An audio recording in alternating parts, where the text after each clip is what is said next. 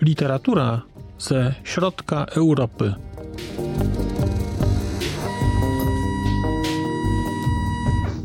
Podcast około książkowy.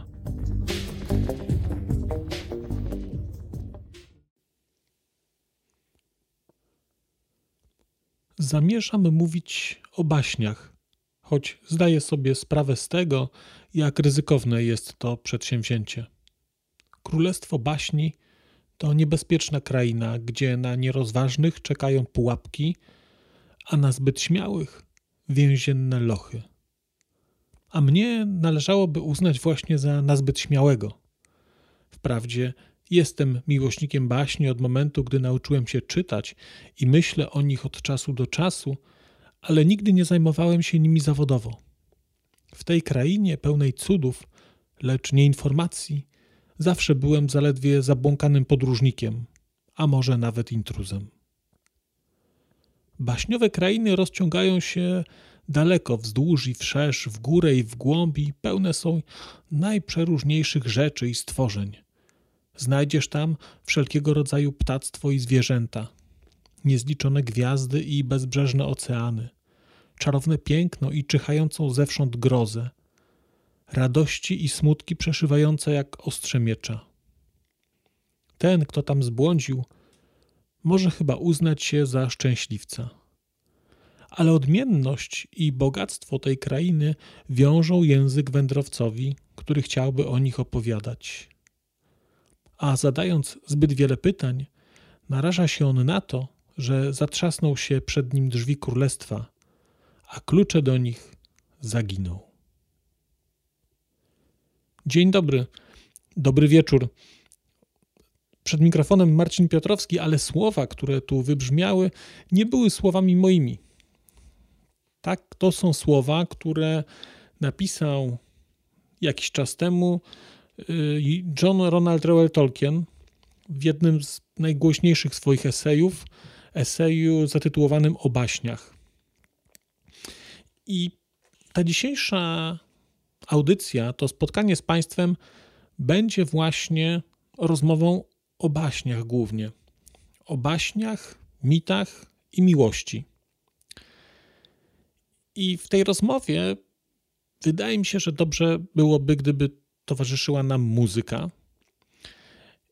I na dzisiejsze spotkanie wybrałem muzykę grupy Dead Can Dance. Będzie to muzyka z płyty Ion z roku 1990. A ponieważ zaczynamy to spotkanie, więc zacznijmy je tak, jak zaczyna się płyta, czyli Dead Can Dance i przybycie. Estol gondol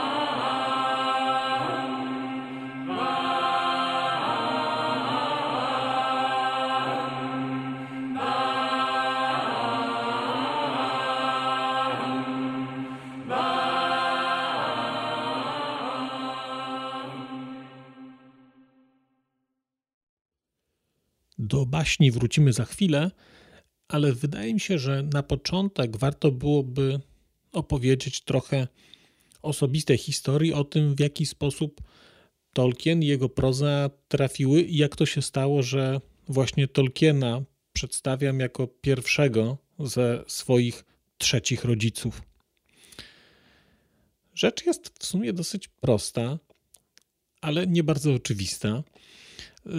O Tolkienie usłyszałem po raz pierwszy gdzieś w połowie lat 80., kiedy mój bliski przyjaciel kupił sobie grę planszową Bitwa na polach Pelennoru. To była taka typowa gra strategiczna oparta o pola heksagonalne, gdzie były jednostki. Gra była trudna, takie, typowa taka gra wojenna, ale okładka tej gry, tam był taki mur i pod spodem był krótki cytat z Władcy Pierścieni. Cytat nawet nieoryginalny, bo to właściwie była sklejka dwóch cytatów. Ten pasaż dokładnie w takiej formie w książce nie występuje. Było w nim coś magicznego. To były jakieś dwa czy trzy zdania. I pamiętam, że bardzo chcieliśmy się więcej na ten temat dowiedzieć. Niestety w połowie lat 80. w Nowym Sączu dostępność Władcy Pierścieni była wysoce ograniczona i łatwiej było dostać papier toaletowy niż pożyczyć władcę. Próbowaliśmy w różnych bibliotekach, było to, było to nieosiągalne. W końcu koledze udało się dotrzeć do Hobbita, przeczytał Hobbita i pamiętam, kiedy wrócił z ferii któryś, to opowiedział mi, że czytał pierwszy tom Władcy Pierścieni u swojej kuzynki, która mieszkała na Śląsku i opowiadał zupełnie nie, niesamowite historie. Opowiadał, że to jest książka, gdzie, jest, gdzie są elfy, gdzie są mumakile i tak dalej, i tak dalej. I bardzo długo chciałem przeczytać Władcę Pierścieni i on był niedostępny. To były jakieś kolejki w bibliotekach, e, książka na giełdach osiągała cenę e, samochodu i złożyło się tak, że pierwszą książką, którą przeczytałem Tolkiena był Hobbit. No, myśmy udawali, że nam się ten Hobbit podoba, bo, bo bardzo chcieliśmy więcej. Trudno mi w tej chwili powiedzieć, czy mając lat tam 13, kiedy czytałem Hobbita, on mi się jakoś bardzo podobał, czy nie. Nie wiem, czytałem wtedy zasadniczo już dużo fantastyki. Właściwie głównie fantastykę wtedy czytałem, głównie Stanisława Lema, a tutaj był Tolkien i jakoś tak pozostał. I pamiętam, że później przeczytałem Silmarillion i pamiętam, że Silmarillion przeczytałem w roku chyba 1986 i wydaje mi się, że to była pierwsza książka taka większa Tolkiena, którą przeczytałem. Przeczytałem Silmarillion więc przed Władcą Pierścieni i byłem tą książką, Silmarillionem zaskoczony. To była książka, której się nie spodziewałem w takiej formie spodziewałem się książki, która będzie książką, nazwijmy to przygodową. Tymczasem dostałem coś, czego wtedy nie byłem w stanie zdefiniować. Dostałem coś, co znacząco przerastało mnie intelektualnie. Ale była to jedyna książka Tolkiena, która była dostępna, więc czytałem ją dosyć regularnie, w kółko właściwie po jakimś czasie okazało się, że ten Silmarillion do jakiegoś stopnia zrósł się ze mną. I kiedy miałem już okazję przeczytać Władcę Pierścienia, najpierw przeczytałem tom pierwszy, potem przeczytałem tom trzeci, bo tom drugi był w ogóle w Nowym Sączu niedostępny. On jakoś zaginął w, w, w bibliotekach. Po raz pierwszy Władcę Pierścieni, drugi tom, przeczytałem dopiero w roku 1990, kiedy to ukazały się mm, pierwsze wydania, bodajże w ramach, przez takie wydawnictwo CIA Sfaro Books chyba, tak to się nazywało. I to były pierwsze wydania, to były reprinty tego wydania z roku 1980, tylko w mniejszym formacie. Wtedy po raz pierwszy przeczytałem całego Władcę Pierścieni.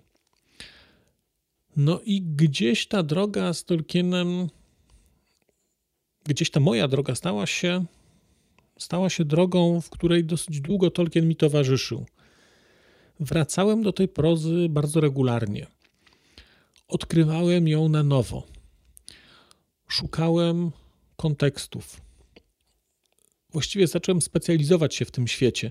I nie mówię tu o świecie Władcy Pierścieni, bo ten świat Władcy Pierścieni jest światem, nazwijmy to dosyć prostym. On nie jest, ta historia, która tam jest pokazana, nie jest historią jakąś szalenie skomplikowaną. To jest, to jest prosta historia.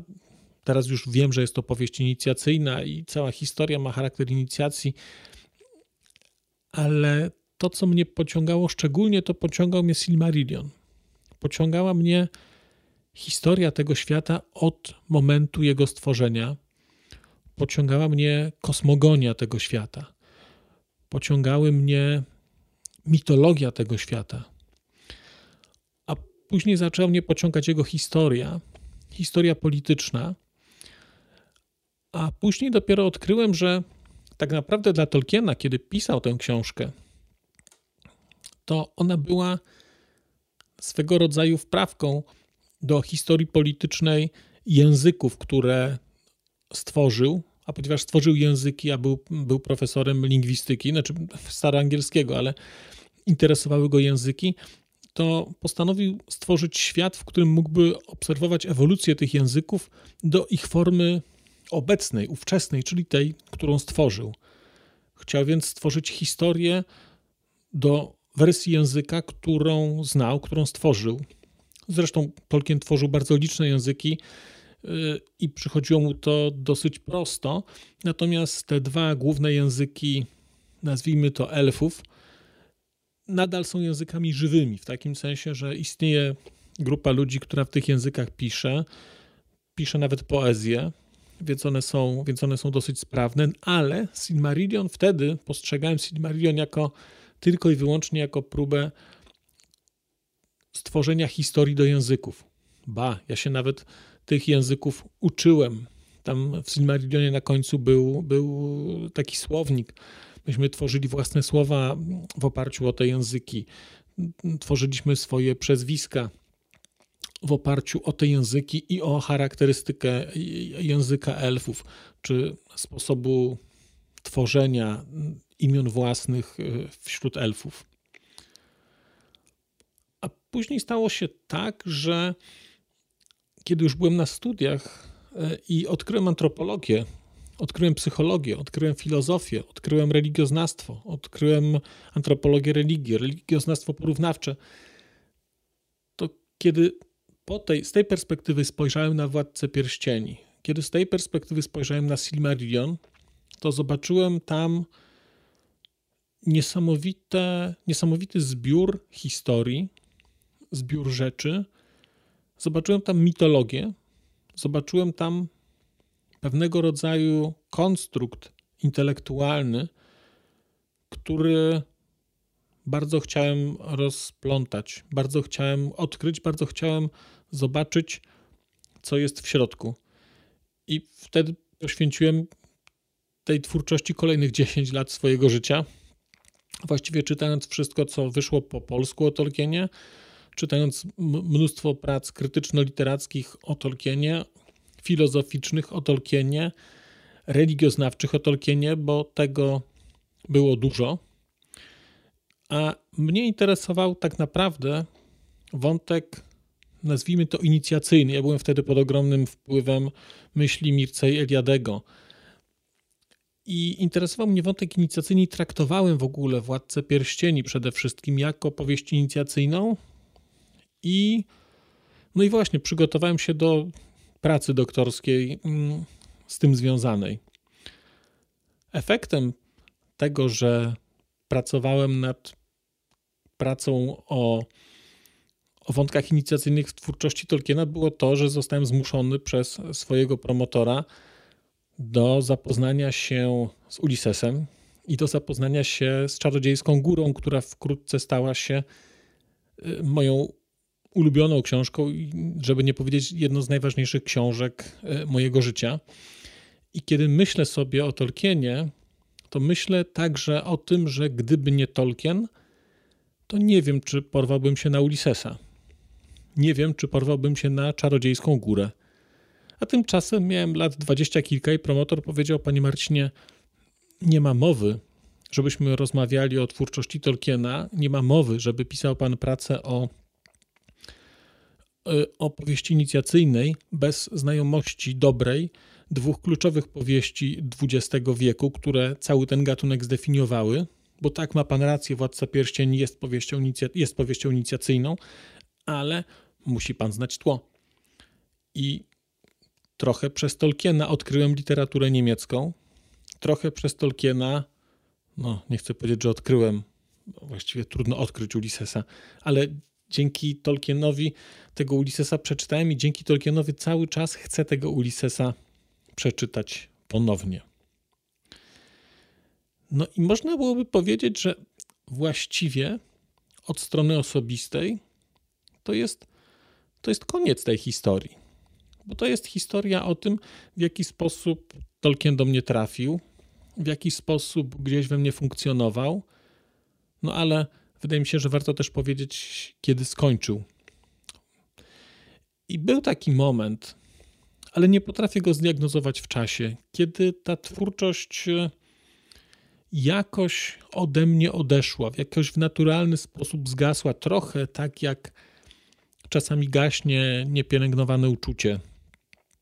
Po prostu któregoś dnia, może nie dnia, ale po jakimś czasie człowiek stwierdza, że właściwie to już nie ma ochoty, że czytał tyle razy tego Władcę Pierścieni, że zna go na pamięć. Z fragmentów Silmarillionu uczyłem się na pamięć i, i gdzieś tam się odpuszcza to. Dużą rolę miał też w tym wszystkim Andrzej Sapkowski i jego Wiedźmin i świat bardzo realny, bo świat Tolkiena jest światem wysoce wykreowanym, jest światem takim mitycznym, takim światem bardzo czarno-białym, mm, światem, który jest bardzo interesujący formalnie, ale na tle na przykład bardzo współczesnych powieści Sapkowskiego, bardzo współczesnego świata, dylematów bardzo współczesnych, które są w nich pokazane, to dla mnie twórczość Tolkiena w którymś momencie zaczęła być taka, no nie chcę powiedzieć, że akademicka, bo to nie o akademizm chodzi, ale ona zaczęła być taka teoretyczna, taka przeintelektualizowana, taka nadmiernie dobra. No, to nie jest gatunek powieści takiej jak, jak Sapkowski, to nie jest powieść współczesna, y, tylko jest to no, definicja Władcy Pierścieni, czy tego o czym tam jest, jak jest to napisane, jest bardzo szeroka i znajdziecie Państwo mnóstwo interpretacji, czym Władca Pierścieni jest, czym Silmarillion jest. Później był film oczywiście, film, który jak większość fanów Tolkiena przyjąłem bardzo chłodno na początku, ale który z perspektywy czasu oceniam bardzo dobrze i fakt, że Peter e, Jackson e, zaadaptował, czyli nie zrobił kanonicznej reprezentacji takiej, jaką zrobił e, chociażby, jaką ma Harry Potter, gdzie właściwie filmy są takie, że kiedy zniknęły książki, to z filmów można odtworzyć dokładnie, tam są te listy dialogowe, są jeden do jeden przełożone i wszystkie ujęcia, sceny. No, filmy Petera Jacksona takie nie są. Duże fragmenty tekstu zniknęły. Wiele wątków zniknęło. Wprowadził Peter Jackson wątki inne. Wprowadził postacie kobiece, których Tolkien, o których Tolkien pisać nie potrafił z przyczyn osobistych, o których być może opowiem za chwilę. I ten Tolkien gdzieś już u mnie trochę odszedł w niepamięć, ale przywrócił mi ją, przywróciła mi ją lektura książki Trzy Tłumaczki bo kiedy czytałem o Marii Skibniewskiej, bo ja także się wychowałem na tłumaczeniu Marii Skibniewskiej, to tak jakby mi to wszystko wróciło. Zacząłem sobie przypominać pewne zdarzenia z mojego życia, zacząłem sobie uświadamiać, że jednak być może wróciłem do tej prozy. Nie wróciłem. Nie wróciłem jeszcze, mam wrażenie, ale coraz bardziej kusi mnie. W szczególności coraz bardziej kusi mnie eksperyment pod tytułem Przeczytanie Władcy Pierścieni e, w przekładzie Łozińskiego, który to przekład był przekładem wysoce spolonizowanym, to znaczy tam były przełożone na język polski również imiona własne, również e, cała topografia, toponimia świata. To był przekład szalenie interesujący. Znaczy, kiedyś jak on się ukazał, to będąc, e, żyjąc w ramach fandomu tego Tolkienowskiego, uważałem go za zło straszliwe Teraz, mając lat znacząco więcej, patrzę na niego trochę inaczej i myślę, że jeżeli będę czytał Władcę Pierścieni, to będę go czytał właśnie w tym przekładzie, żeby trochę spróbować jakoś intelektualnie się oderwać od tego, co znam. No i to właściwie, jakbym miał powiedzieć, trochę o takich wątkach osobistych, jak się Tolkien u mnie pojawił, to myślę, że to byłoby tyle. A za chwilę opowiem Państwu trochę o tym, co z mojej perspektywy w twórczości Tolkiena jest ważne i co sprawia, że dla mnie ta twórczość była interesująca i nadal interesująca jest.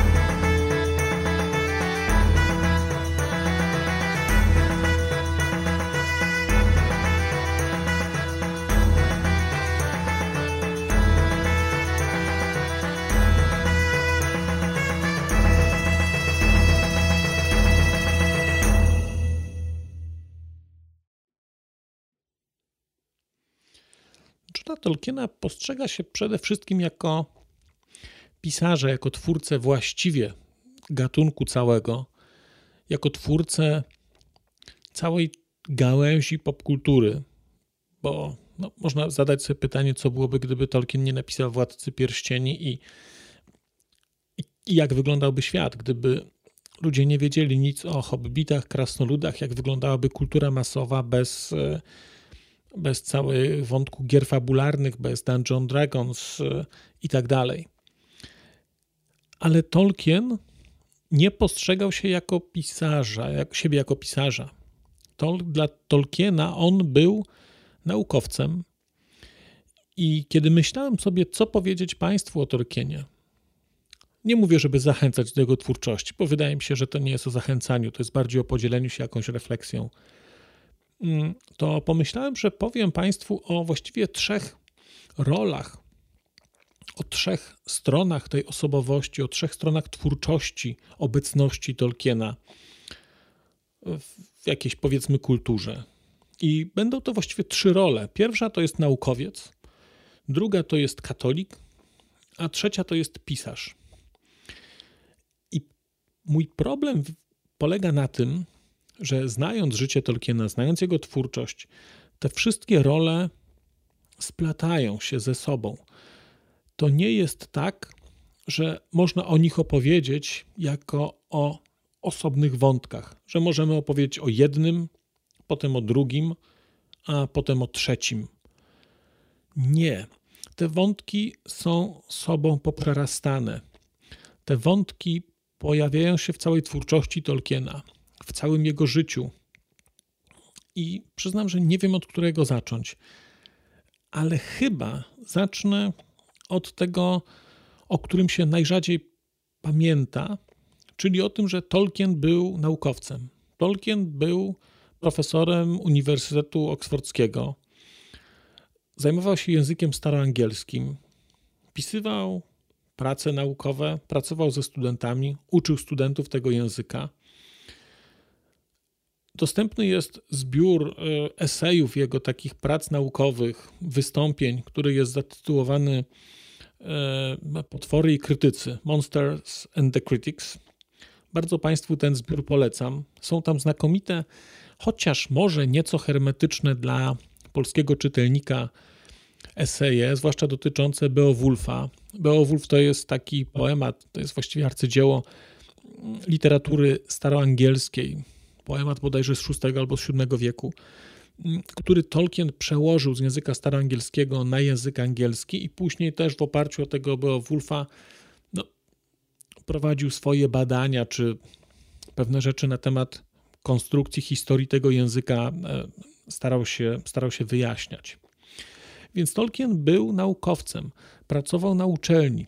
Zresztą okoliczności powstania Hobbita są takie, a nie inne i Tolkien też bardzo to ciekawie opowiadał, że właściwie Hobbita jako postać stworzył, kiedy poprawiał pracę jakieś tam semestralne studentów. I któryś ze studentów, o ile pamiętam, to jest ujęte, że litościwie zostawił pół strony wolnej i Tolkien napisał sobie zdanie w pewnej norze ziemnej mieszkał sobie pewien hobbit. To jest zdanie otwierające książki. I jak później sam stwierdził, ponieważ nie znał słowa hobbit, on je właściwie wymyślił, kiedy je napisał, to postanowił dowiedzieć się nieco więcej o hobbitach i odkryć, kim są hobbici, o których napisał to zdanie. I tak zaczęła się historia, tak napisała się trochę historia dużej części literatury XX wieku. Więc Tolkien był naukowcem i ten jego, to jego zacięcie naukowe widać było w całej jego twórczości, to znaczy ona jest szalenie systematyczna. Jeżeli spojrzycie Państwo na literaturę, nazwijmy to fantazy czy okoliczną, to właściwie każdy z twórców próbuje stworzyć świat. Każdy z twórców próbuje stworzyć rasy, próbuje stworzyć nazwy. I najczęściej te nazwy są całkowicie no, no, niedobre są te nazwy. Tak bym to ujął. Rażą sztucznością, rażą jakimiś dziwnymi konstrukcjami y, lit, literniczymi, bym powiedział. To są jakieś nie dające się wy, wy, wymówić nazwy. Coś, coś strasznego.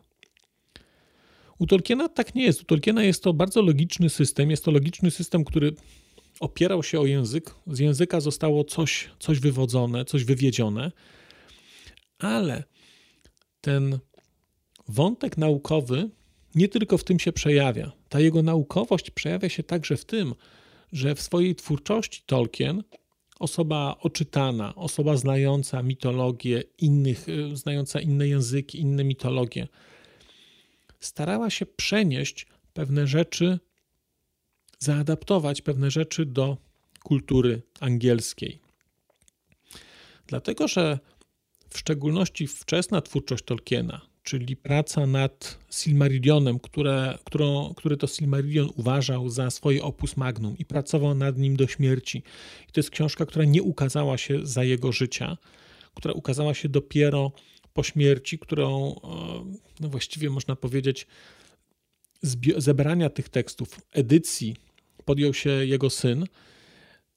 Tolkien nigdy się na to nie zdecydował. Wcześniej próbował, wydawcy odmawiali, mówili mu, że to jest hermetyczne, że, żeby na, raczej napisał dalszą część Władcy Pierścieni, że tego chcą czytelnicy, a nie opowieści o, opowieści o świecie, opowieści kosmogonicznej, e, bym powiedział. Więc, więc było to Silmarillion. Był ten Silmarillion. Były rzeczy, które się nie ukazały też wcześniej drukiem, czyli tak zwane niedokończone opowieści. Ale Tolkien pisał te rzeczy dlatego, że miał poczucie, że Anglii jako jego krajowi, on był w ogóle, on był typowym Anglikiem, był człowiekiem, który ukochał swój kraj, był człowiekiem, który tę angielskość, tę brytyjskość w książkach eksponował, bo hobbici to są właściwie to są Anglicy. Tolkien chciał stworzyć mitologię dla Anglii. Chciał stworzyć mitologię, która, która będzie funkcjonować w tym kontekście. I przeczytam Państwu teraz fragment, taki krótki, e, z książki, chyba jednej z najlepszych książek o Tolkienie, jakie czytałem, a czytałem sporo. Jest to książka Andrzeja Szyjewskiego od Walinoru do Mordoru którą, jeżeli Państwo interesujecie się Tolkienem, to bardzo Wam tę książkę polecam. To jest książka krytyczno-literacka, yy, ocierająca się o historię kultury, historię mitu itd. Tak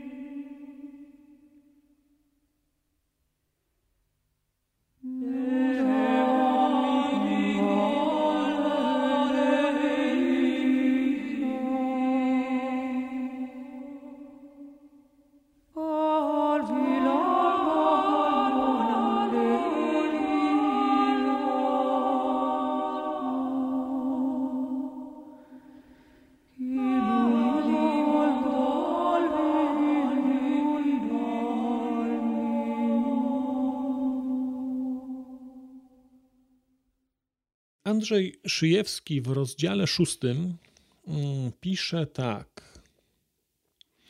Tolkien, miłośnik dawnych słów, zapalony rekonstruktor języka pragermańskiego i człowiek obdarzony poczuciem lokalnego patriotyzmu, bolał nad utratą mitów głęboko. I teraz jest cytat z listu Tolkiena. Nie śmiej się. Kiedyś jednak, dawno już przestałem się z tego powodu puszyć, Chciałem stworzyć zbiór mniej lub więcej powiązanych ze sobą legend, począwszy od tych największych, kosmogonicznych, aż do poziomu romantycznej baśni. Te większe miały być oparte na mniejszych, pozostających w kontakcie z Ziemią, a mniejsze miały czerpać chwałę z rozległego tła tamtych, które mógłbym zadedykować po prostu Anglii, mojemu krajowi. Powinien on mieć zamierzony przeze mnie ton, chłodny i czysty. Powinien tchnąć naszą atmosferą, klimatem i glebą północnego zachodu, to znaczy Brytanii i okolicznych części Europy, a nie Włoch czy Egei, a jeszcze mniej wschodu. I odznaczać się, jeśli udałoby mi się to osiągnąć, delikatnym, ulotnym pięknem, tym, które niektórzy określają przymiotnikiem celtyckie, chociaż trudno je znaleźć w oryginalnych dawnych celtyckich dziełach. Powinien być wysoki, pozbawiony prostactwa i odpowiedni dla dojrzalszego umysłu, pochodzącego z kraju od dawna zanurzonego w poezji. Niektóre z wielkich opowieści napisałbym w całości, a inne pozostawiłbym ledwie naszkicowane, a jedynie o jedynie zaznaczonym planie, Cykle powinny być połączone w majestatyczną całość, zostawiając jednak pole do popisu innym umysłom i dłoniom, które parają się malarstwem, muzyką i dramatem. To było absurdalne. I Andrzej Szyjewski pisze dalej tak. Słowa te można uznać za manifest artystyczny Tolkiena, a ich spełnieniu poświęcił całą swą wczesną twórczość. Określenie z perspektywy lat tej idei jako absurdalnej oznacza, że wielkie pragnienie dostarczenia mitologii swojemu krajowi skurczyło się do zaspokojenia własnego poczucia mityczności w postaci prywatnej mitologii. I wydaje mi się, że to jest, e, to jest szalenie istotne, żeby pamiętać, że Tolkien pisał mitologię dla Anglii i tę Anglię ukochał. To widać w książkach, jeżeli się wie, gdzie znaleźć. To widać także mm, w filmie Petera Jacksona. Jemu się też udało akurat w tym filmie pokazać bardzo, bardzo istotne dla Tolkiena rzeczy.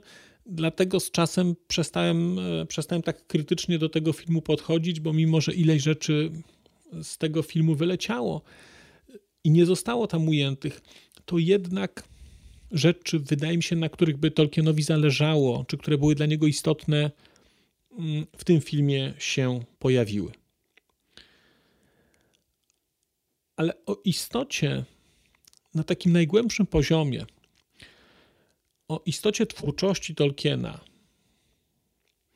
na tę istotę wpływa fakt, że Tolkien był osobą głęboko wierzącą był osobą, był półsierotą, później sierotą, był człowiekiem wychowanym przez, przez e, katolickiego księdza. Był człowiekiem, dla którego wiara, e, wiara katolicka znaczyła bardzo wiele, który był głęboko wierzący, który właściwie codziennie chyba uczestniczył we mszy świętej, na, na którą chyba jeździł rowerem albo chodził na nogach.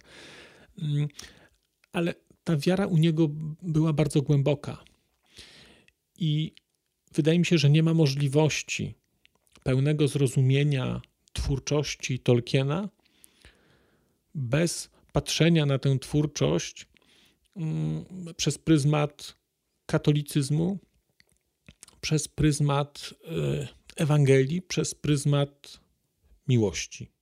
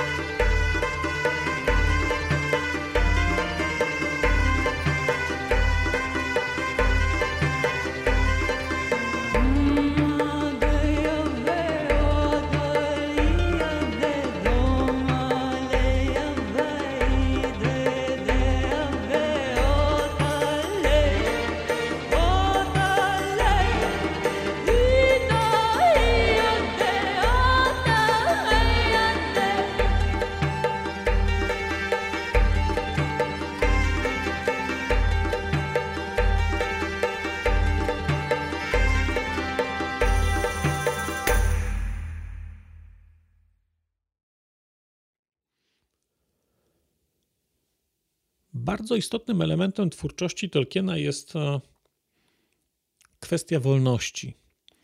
Jest kwestia śmierci również. Świat tolkienowski zaludniany jest przez wiele ras, bo mamy ludzi, mamy hobbitów, mamy elfy, krasnoludy, mamy orków. Ale istotne jest, żeby pamiętać, że właściwie świat ten zaludniany jest przez dwie rasy: przez elfów i przez ludzi.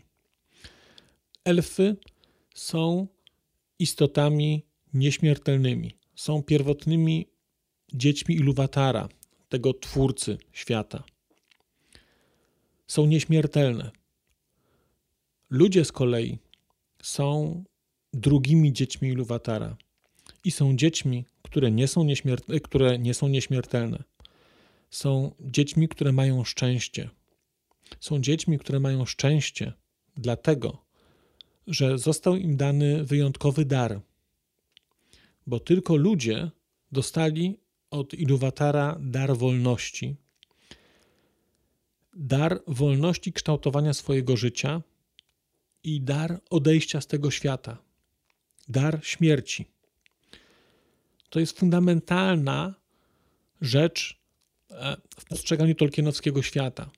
Są elfy, które są nieśmiertelne. No, mogą zginąć, można je zabić oczywiście, ale nie umierają w naturalny sposób ich życie jest trwaniem przez eony, jest do pewnego stopnia zatracaniem się w pewnego rodzaju wiekuistej dekadencji. Elfy pod koniec czy po jakimś czasie odpływają z tego świata. Jest takie miejsce, gdzie one odpływają, gdzie później egzystują, odpływają za morze. I elfy na wszystko patrzą, patrzą z bardzo długiej perspektywy. Z drugiej strony są ludzie, są ludzie, którym elfy zazdroszczą. Elfy zazdroszczą ludziom możliwości odejścia. Nazywają ludźmi w ogóle ludzi przechodniami, że oni po prostu przechodzą, mijają. Czas trwania życia ludzkiego jest krótki i co też jest bardzo w tej twórczości podkreślane, to jest tak, że śmierć była darem. Ten dar został zatruty przez nazwijmy to, złego ducha przez Melkora. Został, został okradziony ten dar z tego wątku daru. Melkor sprawił, że ludzie zaczęli bać się śmierci.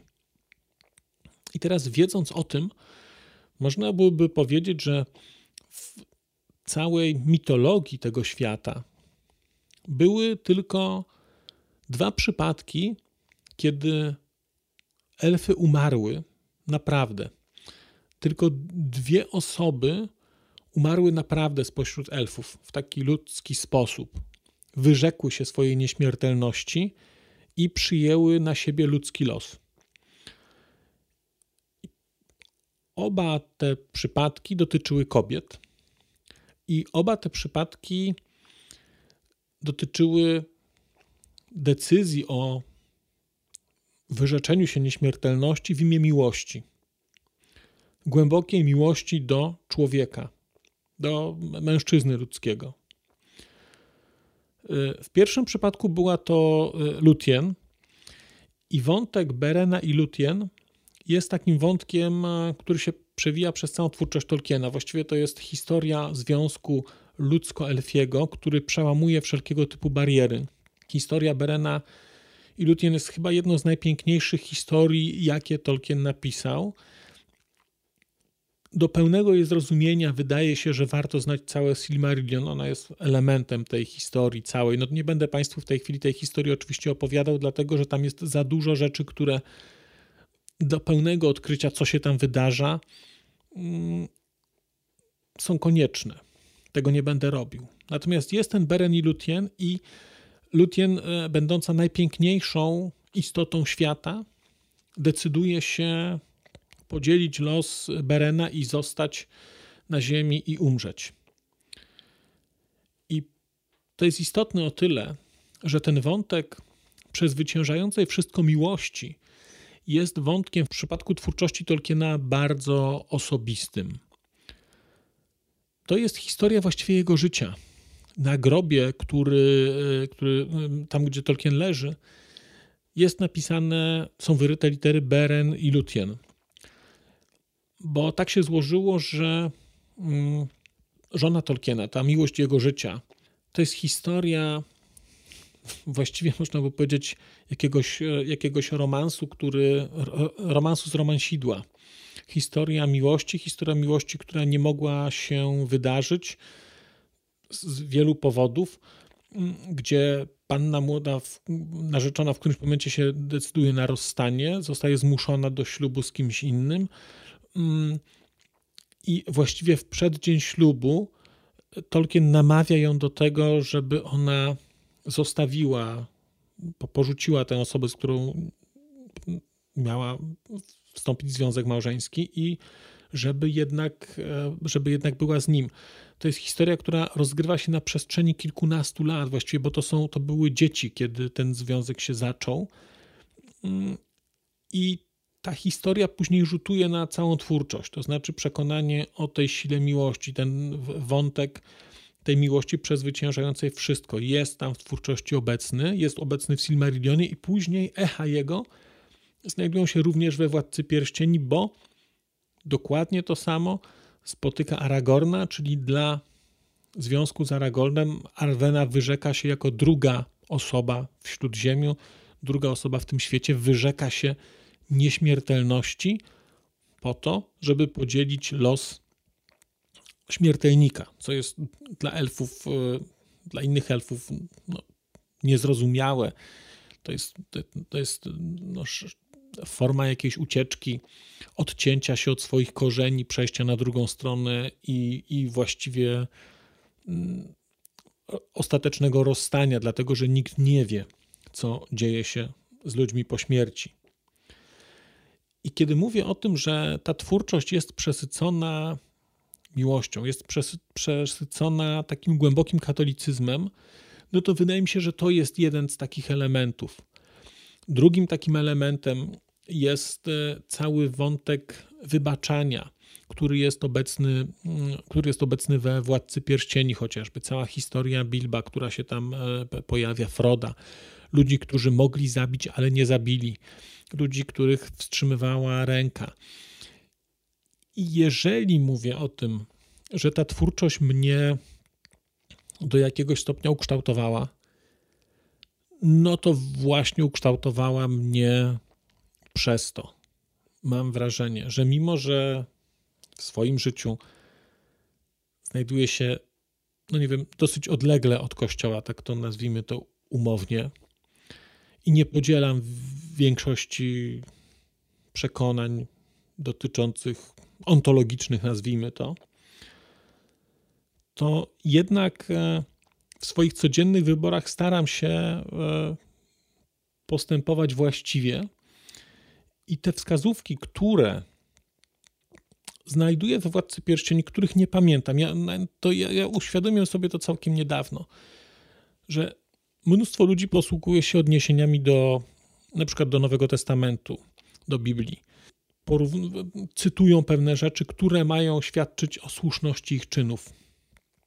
No i ja rzeczywiście robię podobnie, znaczy mam w głowie podobnie, uruchamiają mi się takie cytaty, tylko nie, tylko nie e, z Biblii, tylko z Władcy Pierścieni. Znaczy to są rzeczy bardzo w sumie proste, dotyczące szacunku dla drugiego człowieka, doty, dotyczące szacunku dla życia, dotyczące, mm, dotyczące litości, miłości, miłosierdzia, wstrzymywania ręki, nieeksponowania siły, te wszystkie rzeczy, które w tej książce są cały czas, cały czas obecne i to jest książka, która mnie ukształtowała. To, to, to jest niesamowite. To jest, ja widzę to z perspektywy czasu właśnie, że mnóstwo swoich życiowych dylematów rozstrzygam na poziomie tego, co wydarzyło się we Władcy Pierścieni. W mniejszym stopniu w Silmarillionie. To jest bardzo ciekawe w ogóle, bo koncepcyjnie uważam Silmarillion za zdecydowanie lepszy, za zdecydowanie prawdziwszy. Powiedziałbym, że Silmarillion to jest Stary Testament, a Władca Pierścieni to jest Nowy Testament. I ten Nowy Testament jest opowieścią właściwie o miłości bliźniego, ale on jest pozbawiony w dużym stopniu jednak tragiczności, która jest obecna, takiej tragiczności, takiej gwałtowności, która jest obecna w Starym Testamencie, który czyni go takim bardziej pierwotnym. I podobnie jest w twórczości Tolkiena, to znaczy Władca Pierścieni jest piękną historią, ale tę historię mogą oglądać dzieci. Historie, które są pokazane w Silmarillionie, to nie są historie dla dzieci. To nie są historie dla dzieci, dlatego że one pokazują ludzi w bardzo złym kontekście. One pokazują zawiść i to taką głębszą, one pokazują podłość, one pokazują gniew bogów, one pokazują takie nieumiarkowanie na różnych poziomach. I, i w tym kontekście myślę sobie, że Silmarillion jest y, dla mnie rzeczą, do której wrócę na pewno, bo jest rzeczą gęstszą, jest rzeczą bardziej nasyconą mitycznością, jest, jest taką, taką rzeczą bardziej nasyconą tragicznością przede wszystkim, a ja szukam jednak we wszystkim tragizmu i tragiczności. To znaczy, uważam, że pozbawienie kultury europejskiej, tej współczesnej, wątków tragiczności, co jest dziedzictwem dominującej kultury chrześcijańskiej, jest jednak jakąś stratą. Oczywiście w zamian dostaliśmy, nazwijmy to, cały wątek dotyczący miłosierdzia, który jest też szalenie istotny i też definiuje europejskość, ale mi tego wątku tragiczności, tego co ciągnie się od Greków i co radykalnie gdzieś ucina się w którymś momencie w myśli europejskiej, mi tego brakuje. Te rzeczy tragiczne są w Silmarillionie, tych rzeczy tragicznych no, pojawiają się gdzieś tam we Władcy Pierścieni, ale to są, to są drobiażdżki. Duże rzeczy tragiczne są w Silmarillionie.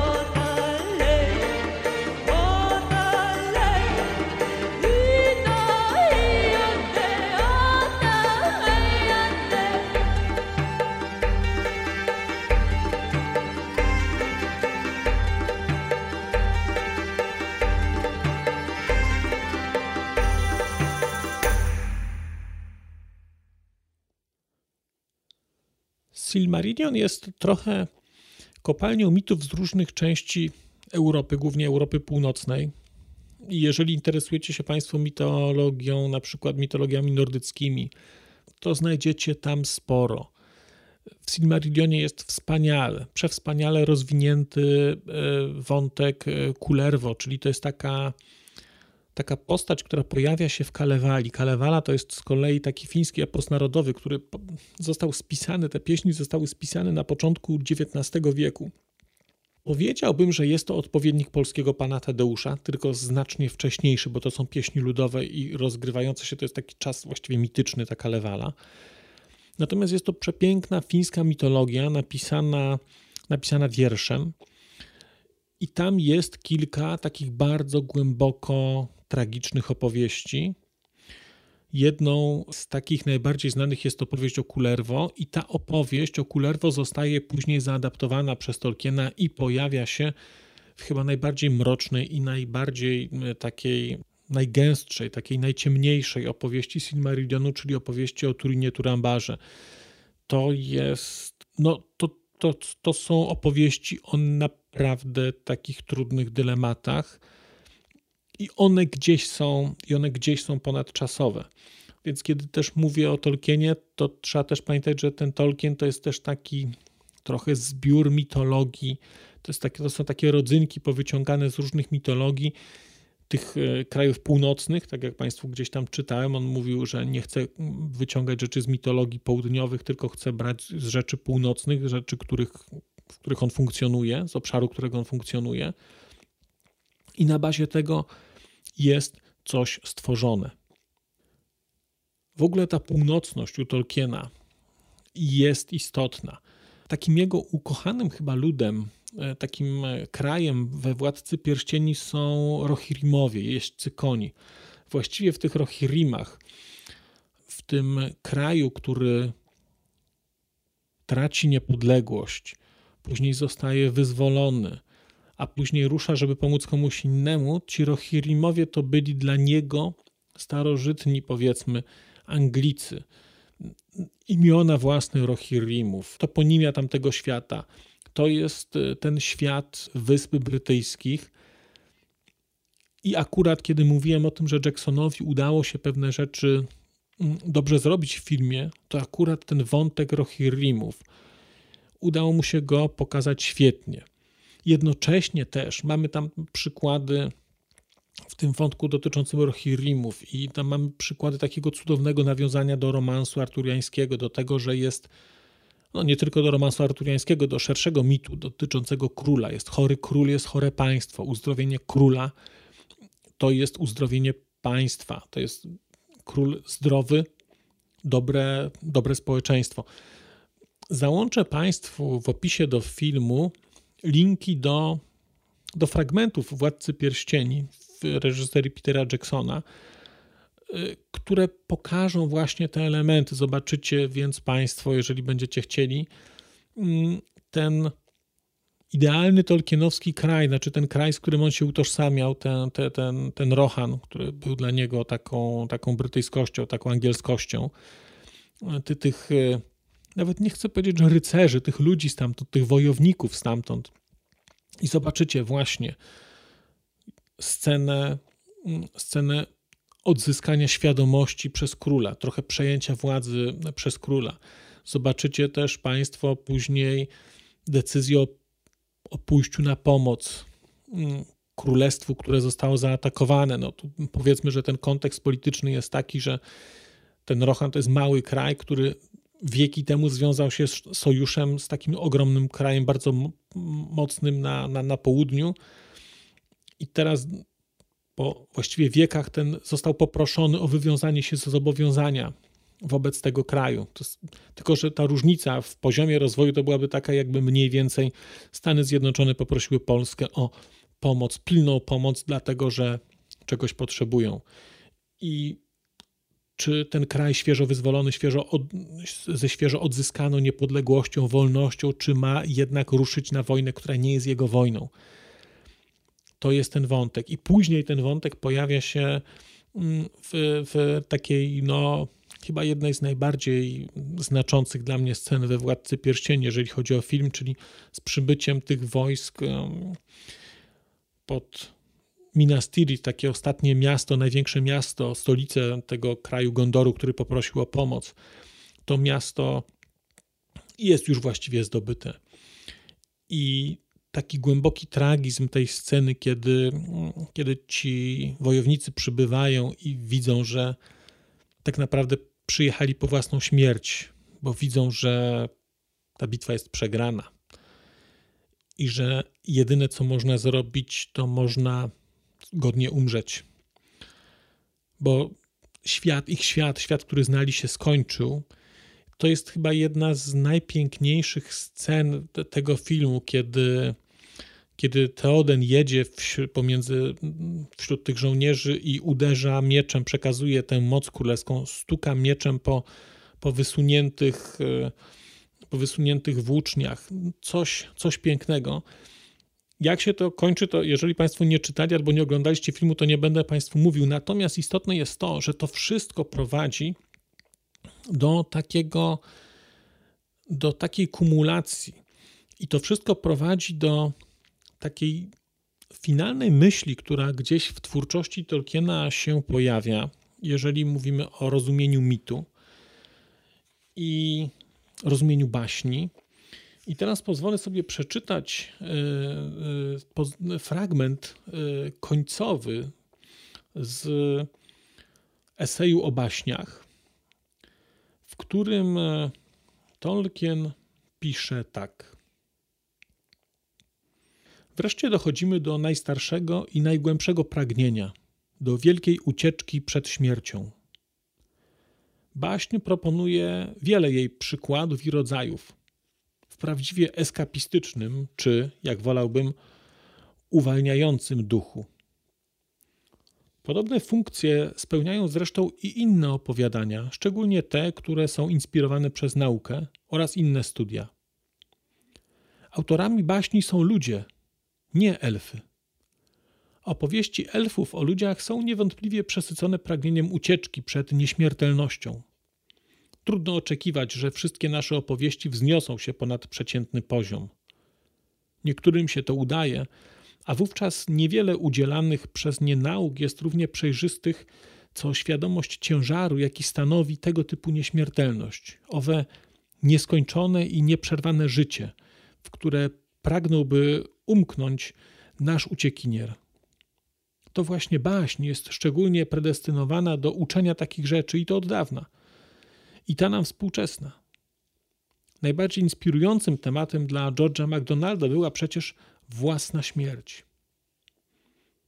Pociecha płynąca z baśni ma jeszcze jedno oblicze, oprócz zaspokajania odwiecznych pragnień za pomocą wyobraźni. O wiele ważniejsza jest pociecha szczęśliwego zakończenia. Niemal zaryzykowałbym twierdzenie, że każda baśń winna kończyć się szczęśliwie określiłbym tragedię jako najwyższą prawdziwą formę dramatu, a jej przeciwieństwo jako prawdziwą formę baśni. Ponieważ brak nam słowa na określenie tego przeciwieństwa, będę je nazywać eukatastrofą, dosłownie szczęśliwe rozwiązanie. Opowieść prowadząca do eukatastrofy jest najdoskonalszą formą baśni i jej najwyższą formą oddziaływania. Pociecha, jaką niosą baśnie, radość ze szczęśliwego zakończenia, które poprawniej byłoby zwać dobrą katastrofą, nagłym zwrotem akcji, bo żadna baśń tak naprawdę nigdy się nie kończy. Ta radość, którą baśń potrafi tak doskonale prowokować, nie jest już w swej istocie eskapizmem ani ucieczką. Jest to dana nam w oprawie baśniowego lub innego świata, nagła i cudowna łaska, której powrotu nigdy nie można być pewnym. Nie przeczy ona realności dyskatastrofy. Obecność smutku i upadku jest niezbędna dla radości ocalenia, przeczącego, w obliczu tak wielu dowodów, końcowej powszechnej łasce. Łaska ta jest więc swego rodzaju Ewangelium, dobrą nowiną, oferującą ulotny przebłysk radości – owej radości, która czeka poza murami tego świata, równie przeszywającej. Co żal.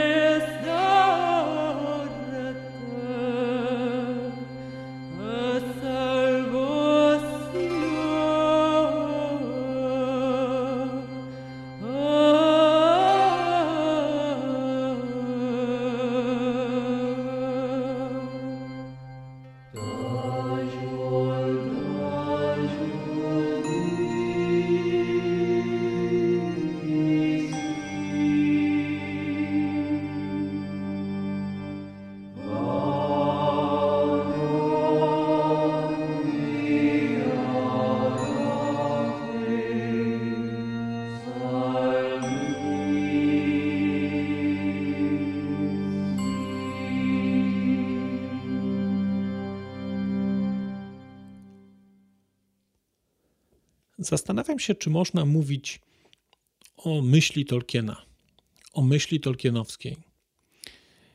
I gdzieś mam wrażenie, że można. Mam wrażenie jednak, że jego refleksja dotycząca baśni, dotycząca mitów, refleksja Tolkiena dotycząca, właściwie wprowadzająca mit, wprowadzająca baśń jako podmiot rozmowy, jako podmiot badań, jest jednak refleksją otwierającą. Jest jednak myślą, która wydaje mi się, że jest warta, warta pochylenia również e, współcześnie. To jest świat trochę inny. Ten świat Tolkiena jest światem, którego już nie ma. Ten, e, wydaje się, że ten świat e, tej jego głębokiej wiary, świat jeszcze tradycyjny, tego świata w, jakiejś, w jakimś stopniu już nie ma, natomiast nasze potrzeby gdzieś, gdzieś zostają podobne, ale twórczość Tolkiena wydaje mi się, w szczególności eseistyka jego, no nie ma tego dużo, ale jednak są te rzeczy. Ona powinna być szczególnie istotna dla osób zajmujących się literaturą, dlatego że odróżnienie baśni, mitu od literatury wydaje mi się, że jest jednak do pewnego stopnia płynne. I swój, y, swój esej o baśniach Tolkien kończy tak. Owa radość, którą uważam za wyróżnik prawdziwej baśni albo romansu, za jej swoisty atrybut, zasługuje na więcej uwagi. Każdego chyba twórcę, każdego pisarza układającego wtórny świat, fantazję, cechuje pragnienie, by być prawdziwym stwórcą, ale też nadzieja, że oto zbliżył się do rzeczywistości, że pewne własności wtórnego świata, nawet jeśli nie wszystkie jego szczegóły, pochodzą z rzeczywistości albo do niej wpływają. Skoro udało mu się osiągnąć tę jakość, którą można określić ze, za słownikiem jako wewnętrzną spójność cechującą rzeczywistość, to trudno pojąć, jak byłoby to możliwe, gdyby jego utworu z rzeczywistością nic nie łączyło. Wyjątkowa radość, którą wzbudza udana fantazja, można by było wyjaśnić nagłym przebłyskiem ukrytej prawdy o świecie. To nie tylko pociecha w smutku tego padołu, ale i zaspokojenie i odpowiedź na pytanie, czy to prawda. Podałem już jedną wersję odpowiedzi na pytanie, która brzmiała całkiem poprawnie. Jeśli dobrze skonstruowałeś swój świat, to tak, jest to prawdą o tym świecie. Tyle wystarczy artyście, albo też tej cząstce natury człowieka, która jest artystą. We katastrofę otrzymujemy sugestie większej odpowiedzi, dalekiego odbłysku czy echa Ewangelium w rzeczywistym świecie. Słowo to zapowiada temat mojego epilogu. Wiem, że to temat poważny i niebezpieczny i że podejmowanie go jest zuchwalstwem, ale jestem świadom, iż nawet jeśli, jakimś cudem, to, co mam do powiedzenia, jest choćby w minimalnym stopniu uzasadnione, to stanowi jedynie drobny okruch owej tak nieobliczalnej, bogatej prawdy, ograniczonej tylko przez niedoskonałość człowieka, dla którego się dokonała. Ośmielę się rzec, że gdy przyglądałem się historii chrześcijaństwa od tej strony, od dawna już przeczuwałem, a było to radosne przeczucie, że Bóg odkupił swe zepsute, tworzące stworzenia w sposób odpowiedni do ich natury, a więc i do tego jej aspektu, którym jest zdolność tworzenia. Ewangelia to przecież baśń, albo raczej wzniosła opowieść, która jest samą istotą baśni. Mówi o wielu cudach, osobliwie artystycznych, pięknych i poruszających, mitycznych w swej doskonałości i pełni. Pośród tych cudów znajduje się i owa największa, najpełniejsza eukatastrofę, jaką można sobie wyobrazić. Baśń ta wtargnęła w historię i świat pierwotny. Pragnienia i aspiracje twórcze wypełniły się jako stworzenie. Narodziny Chrystusa to eukatastrofę historii człowieka. Zmartwychwstanie zaś to eukatastrofę historii wcielenia.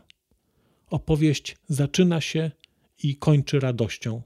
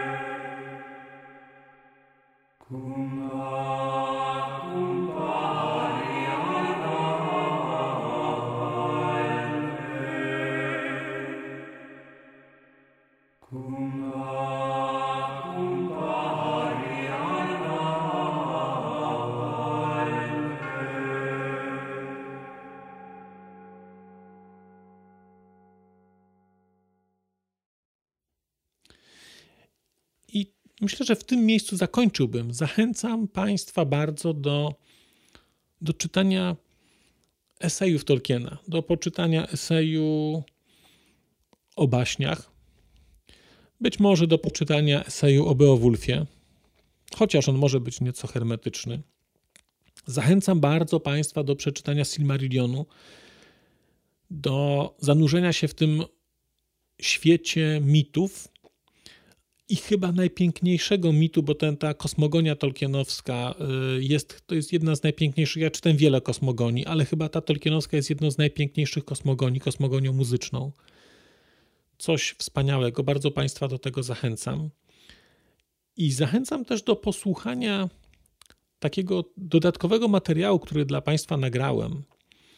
To jest y, takie opowiadanie, które nosi tytuł y, Liść, dzieło Nigla i to jest opowiadanie, jedno z takich, takie krótkie opowiadanie, które Tolkien jakiś czas temu napisał, a ja je dla Państwa przeczytałem. Link do tego opowiadania załączę w opisie odcinka. I ciekaw będę Państwa refleksji, ciekaw będę Państwa spostrzeżeń, na ile te historie, o których gdzieś tutaj wspomniałem, na ile mit, miłość, alegoria, chrześcijaństwo na ile znajdują Państwo te rzeczy w tym opowiadaniu, które nie jest opowiadaniem fantasy. Jeżeli obawiacie się Państwo, że to będzie opowiadanie, gdzie będą występować hobbici, elfy, trole, smoki i krasnoludy, to ich tam nie ma. Tam są ludzie. Bardzo Państwu dziękuję za dzisiejsze spotkanie. Straszliwie się rozgadałem, ale cóż, podsumowanie kilkunastu, dużych kilkunastu lat życia czasami, czasami zabiera trochę czasu. Dziękuję bardzo Państwu i do usłyszenia wkrótce. Przez mikrofon mówił do Państwa Marcin Piotrowski. A już zupełnie na koniec powiem, że skoro wysłuchaliście Państwo tego odcinka, to w jego opisie znajdziecie link do serwisu YouTube. W wersji YouTube'owej e, jest miejsce na skomentowanie go. To jest takie miejsce, gdzie można komentować ten odcinek, rozmawiać, zadawać pytania, wymieniać się spostrzeżeniami, do czego Państwa bardzo zachęcam, gdyż udało się już na tym YouTubie zgromadzić trochę bardzo ciekawych osób, bardzo ciekawych komentarzy i trochę stworzyć taką społeczność ludzi rozmawiających o książkach. Też na koniec, zupełnie na koniec, e, poproszę Państwa o wystawienie oceny mi w ramach e, tych platform podcastowych, na których Państwo tego odcinka wysłuchaliście. I nieważne jaka ta ocena będzie, istotne dla mnie po prostu, że będzie. Tymczasem się żegnam już naprawdę i do usłyszenia za czas jakiś.